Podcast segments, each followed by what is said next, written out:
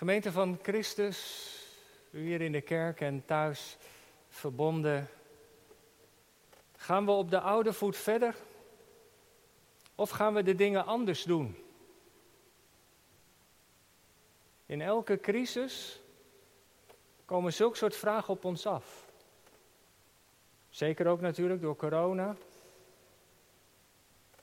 Gaan we op de oude voet verder? Is er zoiets als het oude normaal of niet? Gaan we dingen anders doen? Is er een soort nieuw normaal? Als kerk persoonlijk kun je dat soms ook hebben.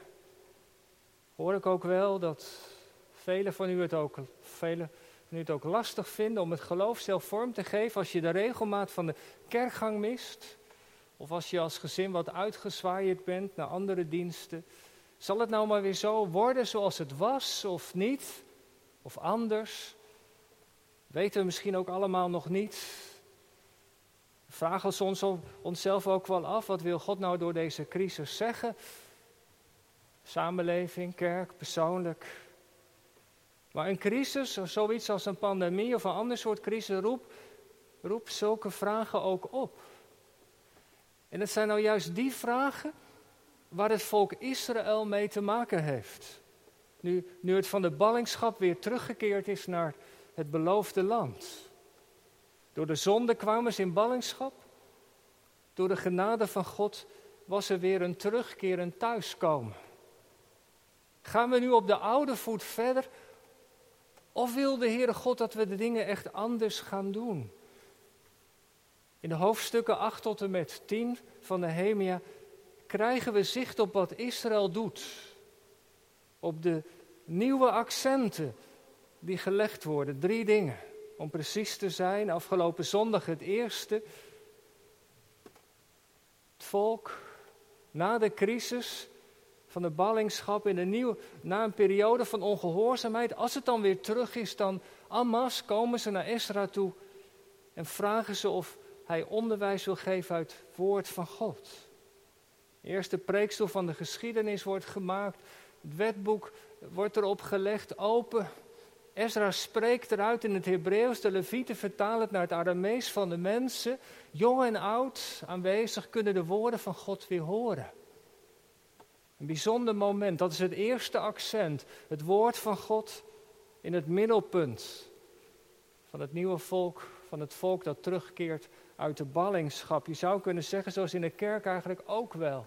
We zitten hier rondom het woord. Het ligt open voor me op de kansel. De woorden van God in het centrum vormen het hart van ons gemeente zijn. In Israël, het hele volk vraagt naar de woorden van God. Er is om zo te zeggen, naar de crisis heen, een enorme honger naar de woorden van God.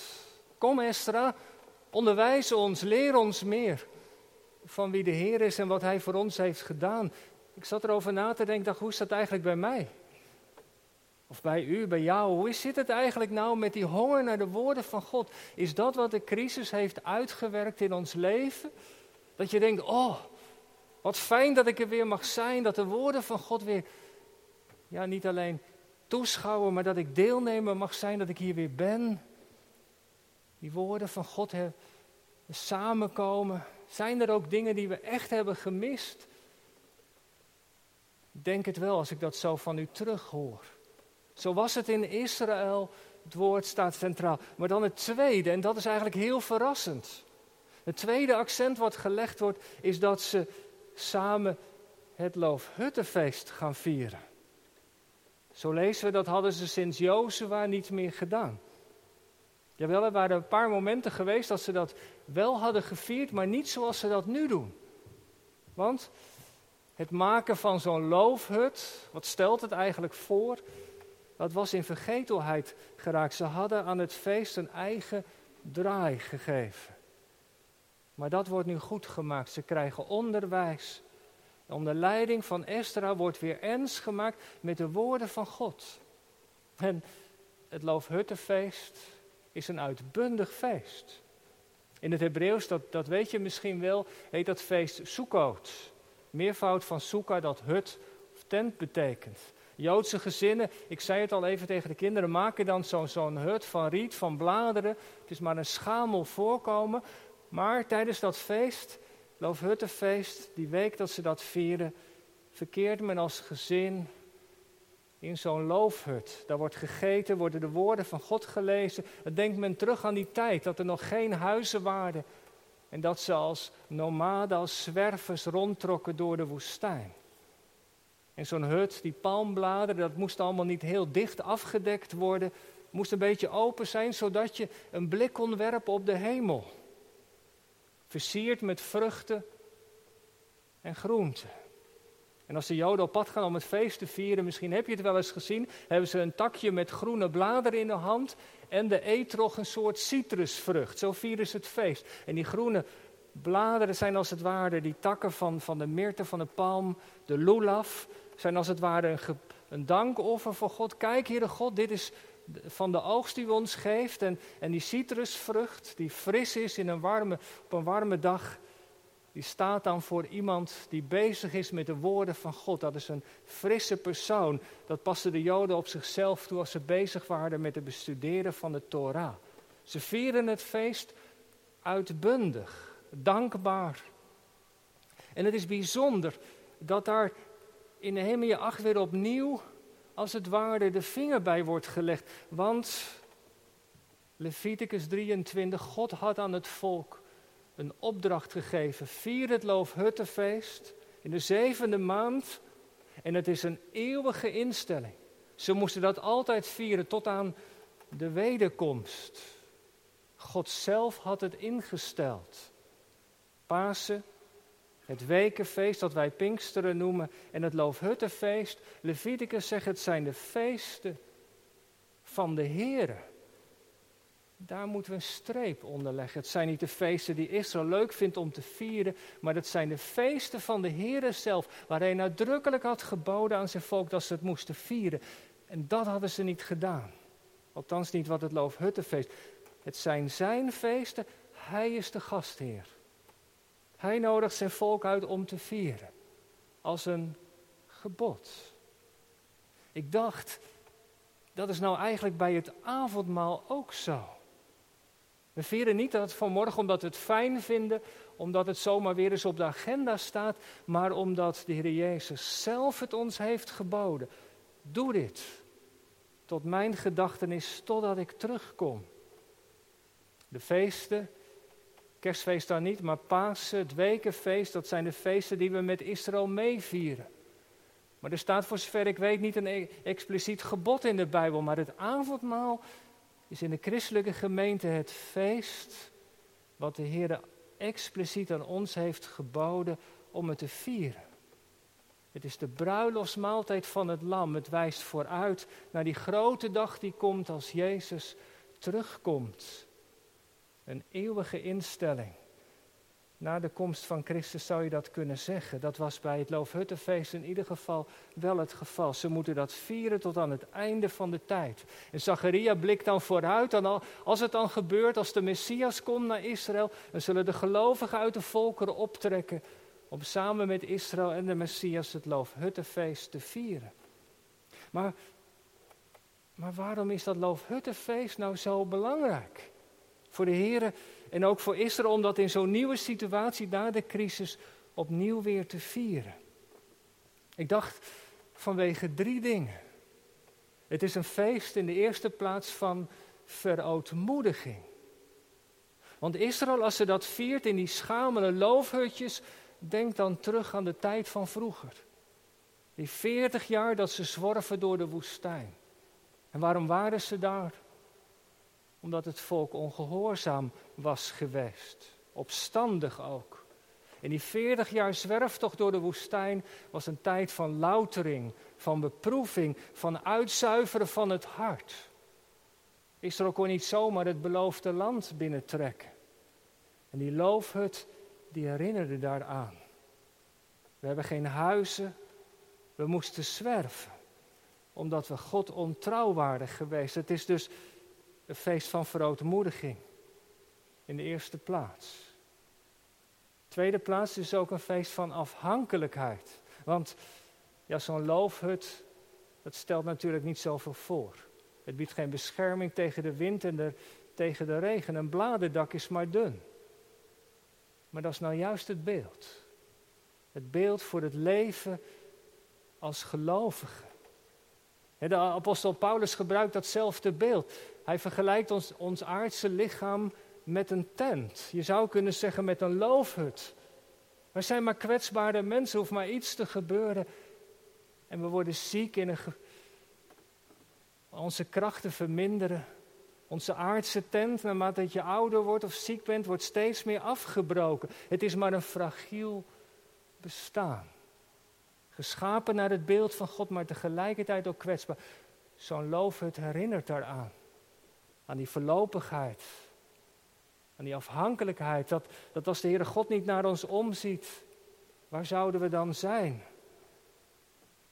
We zijn afhankelijk van zijn zorg en onderhouding. En als Israël dat viert, dan is daar dat besef. Wij leven van de genade, van de dagelijkse zorg van onze schepper. Want stof zijn we en tot stof keren we weer terug een loofhut. Meer zijn we niet. Dus het is ook een feest van, van afhankelijkheid die de kwetsbaarheid doet beseffen. En het derde, het is ook een feest van de trouw van God. Want Israël mocht uit de ballingschap weer thuiskomen. De woorden van God, die mochten opnieuw weer klinken. Dat waren uitingen van de genade van God. Het is de goede tierenheid van de Heer dat we niet zijn omgekomen. Zegt een van de stemmen in het Oude Testament in het boek Klaagliederen. En het onderwijs van het Loofhuttenfeest brengt dat aan het licht. Het is dankzij de trouw van God dat Israël thuis mocht komen, omdat God naar zijn volk omziet. Wij leven, zegt het volk, van de trouw van God. Daarom Daarom zie je ook bij de viering van het feest de blijdschap doorklinken. Van de verootmoediging naar het besef van de trouw van God. Als Hij er niet was geweest, Psalm 124, dan waren ook wij er niet meer. Het verwondert zich over de trouw. Nou, vandaag vieren wij het avondmaal. En weten we, er lopen allerlei lijnen van het Loofhuttenfeest naar de persoon van de Heer Jezus. Johannes, die zegt het zo in het begin van zijn evangelie. Het woord is vlees geworden en heeft onder ons gewoond. Heeft onder ons, staat er letterlijk, zijn tent opgeslagen. God heeft zijn hemelse heerlijkheid verlaten en is in een loofhut, om zo te zeggen, komen wonen. En dat heeft hij gedaan om ons te redden. Vol van genade en waarheid koos Jezus ervoor zijn hemelse woning te verlaten en in het schamele bestaan te komen. Wat had hij? Niet meer dan een loofhut. Hij heeft onder ons zijn tent opgeslagen. Terwijl hij de zoon van God was. Die kwam als een lam om de zonde van, van de wereld weg te nemen. En daar denken wij aan bij de viering van het avondmaal. En we mogen dat vieren totdat Jezus terugkomt wat Hij voor ons heeft gedaan. En als Hij terugkomt, het laatste Bijbelboek spreekt over die tent. Zie, de tent van God, zijn soeka is bij de mensen. En hij zal bij hen wonen en zij zullen zijn volk zijn. En God zelf zal bij hen zijn. Het avondmaal ziet daarnaar uit. Als wij vieren, denk dan eens aan die toekomst. Aan het moment dat je door genade daarbij mag zijn dat God alles en in alles zal zijn en alle tranen uit onze ogen zal wissen. Als zijn tent, openbaringen 7, als hij zijn tent, zijn loofhut over ons zal uitspreiden. Geen honger, geen dorst, geen verdriet, geen zonde, geen pijn. En de viering van het avondmaal staat in dat kader, in dat perspectief. En nu nodigt de Heer Jezus ons vanmorgen uit aan zijn tafel. En boven die tafel zou je als het ware een loofhut eh, mogen zien staan. Dan mag je in ieder geval aan een loofhut denken. Met Jezus eten onder een open hemel. Hij die arm werd om ons rijk te maken in God. Hij die, die koos ervoor om in die schamele loofhut te wonen. Om ons te redden. Om ons een plekje te geven in het vaderhuis van God. Hij het oordeel, wij de vrijspraak. Geloof je dat? Gelooft u dat, dat Jezus dat voor jou, voor u heeft gedaan? Ga dan vanmorgen in op zijn uitnodiging. En als je opstaat om te ontvangen, verwonder je dan. En proef dan in de brood en de wijn de genade van onze heiland. En als je proeft, dan zal de geest je ook de blijdschap geven. De verwondering over de genade van God, dat hij heel je bestaan voor zijn rekening wilde nemen. En de blijdschap die de geest je geeft, omdat Jezus dat voor je heeft gedaan. Proef en smaak dat de Heere goed is. Dan wordt vanzelf ook het lied wel in je hart geboren. Duizendmaal dank, o Heer. En als we zo vieren, wat anders dan we gebruikelijk, lopend weer, maar al overdenkend, denk dan ook eens aan de toekomst. Aan dat Loofhuttenfeest. Als straks het werk van de Heer Jezus tot zijn bestemming zal komen. En uit alle talen en volken gelovigen samen met hem bruiloftsmaal, het grote Loofhuttenfeest zullen vieren. Wat zal dat bijzonder zijn? Wat een dag zal dat zijn. God, alles in en alle. En dat je daar dan bij mag horen. En ik hoop van harte dat niemand van ons op die dag zal ontbreken. Amen.